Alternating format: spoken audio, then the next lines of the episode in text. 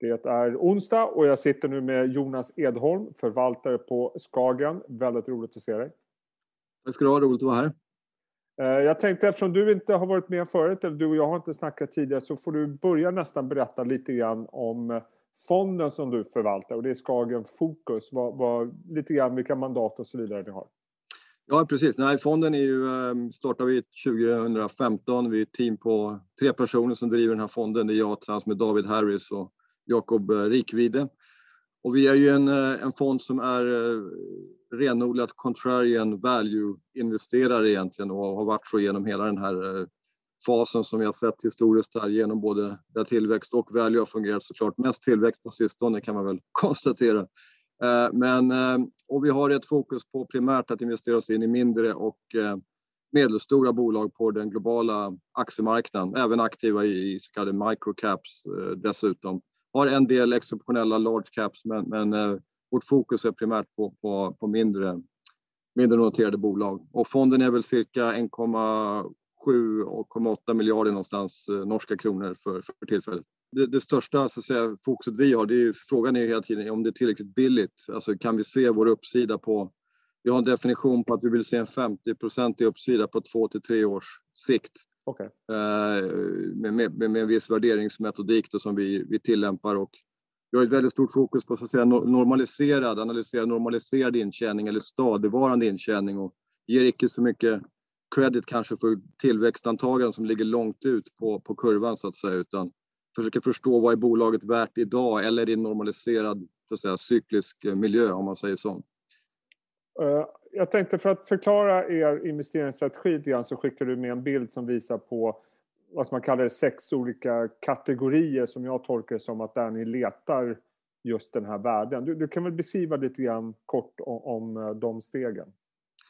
Ja, tittar man då på den här bilden så, så är det, vi, vi tänker ju lite grann i såna olika value buckets som man säger. Det är lite olika stilar som vi egentligen eh, diversifiera mellan. Och en, en, en kategori som eh, såklart är, är vanligt förekommande är, är så kallad mean reversion strategier, det vill säga någonting som är kanske cykliskt, det som har cyklisk karaktär, handlar eh, väldigt långt under sin normaliserade potential, för allt det här rör sig i cykler. Och, och vårt jobb är då lite grann att lokalisera de här eh, liksom, ytorna på aktiemarknaden och, och casen på aktiemarknaden där du har den här typen av väldigt depressiv värdering och väldigt depressiva förväntningar egentligen och försöka förstå vad är det här, vad är det här värt i normaliserad eh, intjäningspotential. Till exempel tycker vi att det finns eh, ett case som för närvarande har väldigt mycket den här karaktären. Det är till exempel Korean Re i, eh, i Syd, eh, Sydkorea som är ett, ett eh, sakförsäkringsbolag, eller reinsurancebolag de facto, som både haft problem med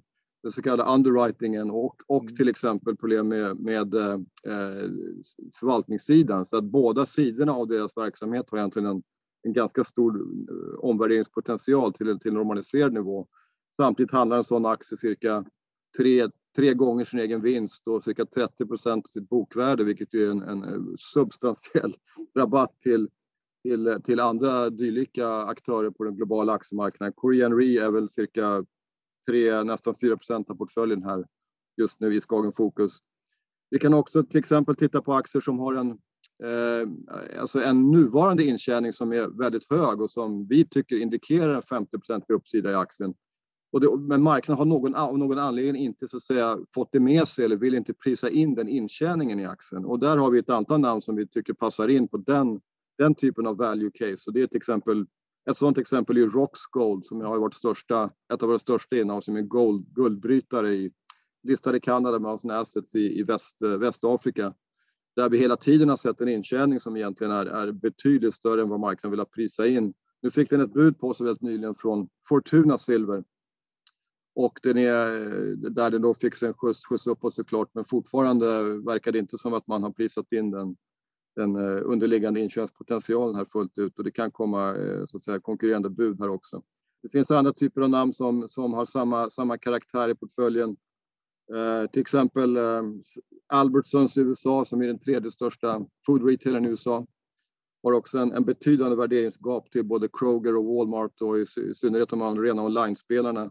Och har en intjäning som vi tycker är betydande, tyder på en betydande uppsida i aktiepris redan här.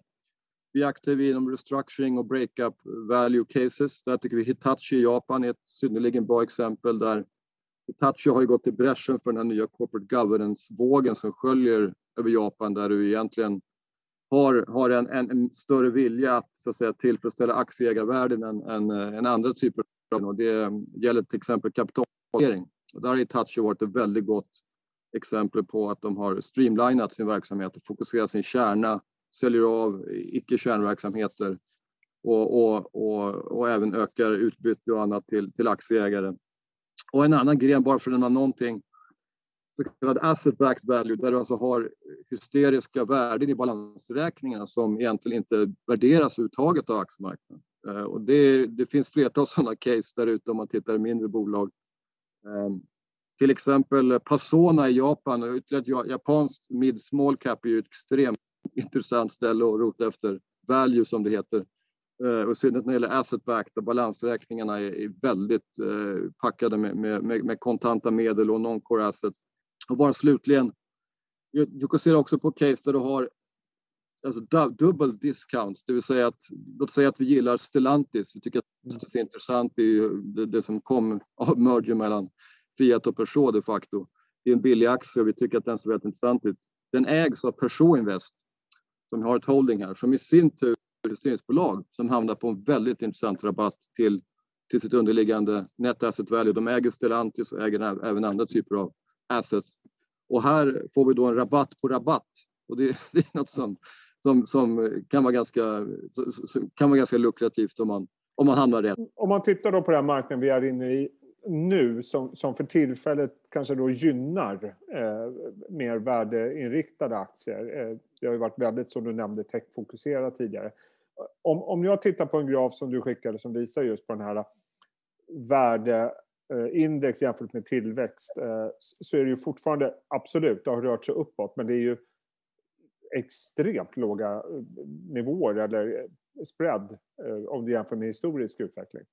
Ja, nej, tittar man på hur det har sett ut från 1975 då som den här grafen eh, indikerar, där man bara tar en enkel kvot mellan så, så, så kallad tillväxt och value eh, aktier. Då. Det här är en väldigt förenklad definition som förmodligen bygger på price book och price earnings, något vägt i genomsnitt här över tid.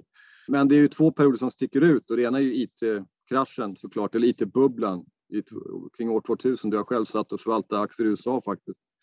Eh, men sen kom då en kraftig rotation såklart när, man, när marknaden lämnade den så att säga, ensidigheten och började fokusera bredare. Nu är vi lite samma fenomen fast efter en mer utdragen period som är drivet av i stort sett två faktorer. QE, quantitative easing som aldrig tagit tillbaka sedan finanskrisen och födseln och utvecklingen av de här mega cap techbolagen globalt sett som nu dominerar indexkorgar. Ja. Eh, där ute. Och, och, och, den har ju varit nu i tio, ja, drygt decennium faktiskt, kan man väl konstatera. Förrän då i slutet på 2020 då vi började se lite andra vindar blåsa i, i, eh, i, i aktiemarknaden av lite olika faktorer. Då.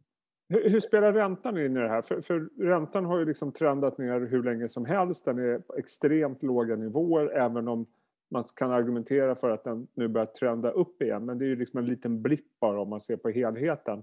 Hur ja. viktig är den trendrörelsen skulle du vilja säga för att kanske fokus ska öka mer mot value kontra tillväxt?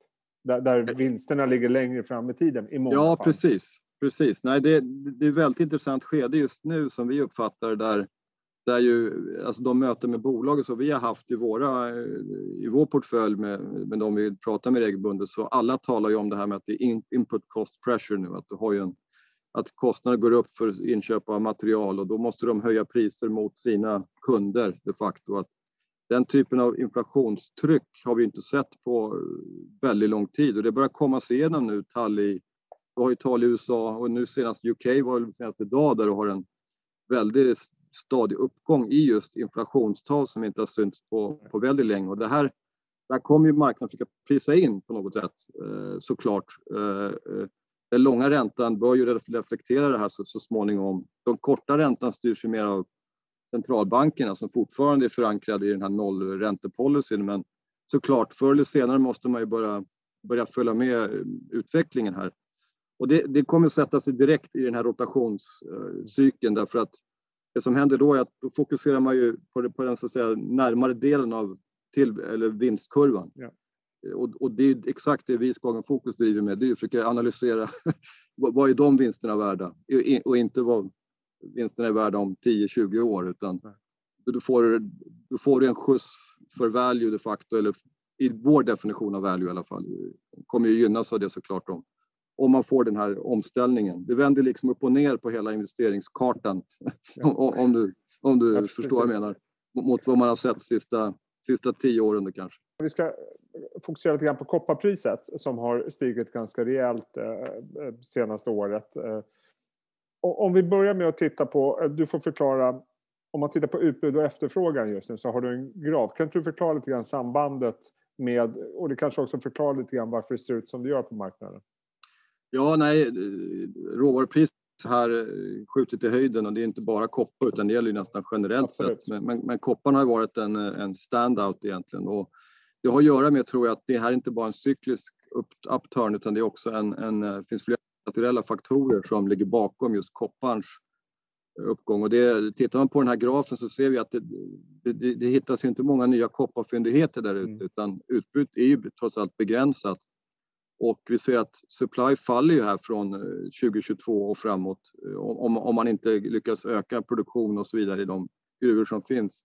Samtidigt så ökar ju då efterfrågan explosionsartat från inte minst den sedvanliga bygg och, bygg och industriefterfrågan som finns där såklart, men även då från eh, elektrifieringen av samhället genom, genom både förnybar energi och, eh, och elbilar som kräver väldigt mycket koppar. Och det här det är svårt att se hur det ska gå ihop och, och marknaden börjar försöka prisa in det här nu. Att, vad, vad, vad är det som sker här med, med koppar och kopparpris och kommer vi se en brist, total brist av det här inom ett antal år? Det är det lite som driver på underliggande här då. Skulle du säga att det motiverar att eh, priset eh, kan eller till och med bör fortsätta upp så länge situationen är som den är? Ja, det, det, kan ju såklart komma, alltså det största hotet mot den, eh, att åtminstone inte stanna på den här nivån, det är, det är ju kanske att det kommer no, nya typer av teknologier, alltså nya typer av sätt att, att, att elektrifiera samhället, att man på något sätt minskar beroendet av koppar och så, den typen av saker. Det, det, kan ju förstås ske. Det finns sånt i närtid vad det verkar som. Eh, så att det är klart, eh, kopparpriset, men blir det allt för dyrt då tvingas ju såklart saker, en utveckling ske. Ja. Um, och det, det, där är vi inte riktigt än, men, men eh, det, det, det, ser ganska extremt ut får man lov att säga mellan efterfrågan och utbud just. Och eh, ni hade med ett, en aktie som jag såg i, i, tabellen också där du visar de olika delarna som ni investerar i och det är kanadensiska Ivanhoe. Ja. Eh, berätta lite grann om det bolaget och eh, hur man får exponera mot koppar genom att äga. Ja, Ivanhoe Mines är ju en, är, listas i Kanada och, och är ägare av den senast eh, upptäckta så större kopparreserven vår planet i, som ligger i, Kongo då i, och, och, och Kamoa-Kakula heter själva fyndigheten. Och de här har då utvecklat det här och tagit in eh, finansiering och fått in eh, kinesiska ägare inte minst till stor del. Eh, och kommer nu då i mitten på 2021 väldigt snart börja producera sin första koppar från den här gruvan. Och marknaden har ju varit skeptisk både till att de opererar i, i Kongo därför att det är lite så här kontroversiell domicil här tror vi att det, det finns, eh, klart det finns riskmoment, men i och med att kineserna backar upp det här så är det en väldigt stark, eh, stark eh, spelare i bakgrunden som man inte liksom vill, vill bråka för mycket med. Och, och jag tror att eh, värderingsmässigt så handlar ju fortfarande Ivanhoe, om man tittar på de, de reserver och de mm. eh, historien fyndigheten de facto är, så handlas den på en substantiell rabatt till andra kopparaktörer där ute, typ Antofagasta och Freeport och, och Lundin och så vidare. Ehm, jag tror, att den här, jag tror att vi har en graf som visar att det väl, den handlar på cirka 360-70 dollar tonnet i EV medan en, en, större aktör kanske handlar någonstans 2000 dollar tonnet. Så att det, är en, och det här bygger på att marknaden vill se att ett, de klarar att leverera, två, att det inte blir något krångel med domicil. Då kommer den här implied discount rate gå ner. Eh, och den handlar extremt billigt på cashflow om ett par, tre år ut här, om de får till den här löpande produktionen i Ivanhoe. Och, och skulle de få igång den här produktionen eh, så som man tror och hoppas. Det, det, är liksom det som är det som krävs då för att aktien ska Den har ju gått bra ska sägas, men, men att den ska ta fart ytterligare och komma in i sin rätta värdering. Ja, det, vi har ju ägt den här sedan 2018 och den är ju fortsatt största position i fonden, eller andra största kanske just nu, kring 5% av fonden. Eh, men eh, vi har en uppsida, vi har ett, ett price target på, på, på 12 Canadian dollars i Ivanhoe Mines eh, som det ser ut nu, vilket kan vara konservativt. De äger också, ska sägas, andra typer av assets. De har ju till exempel Platreef som är precious metals och Kipuchi som är zink och så vidare. Så att de har en väldigt stor del andra typer av assets också som, som, som inte kanske värderas heller av aktiemarknaden som vi uppfattar det just nu i, i, i Ivanhoe. Jonas Edholm, väldigt kul att snacka med dig. Jag hoppas att vi kan göra om det snart igen. Ha en eh, fortsatt bra vecka. Tack ska du ha. Kul att vara här.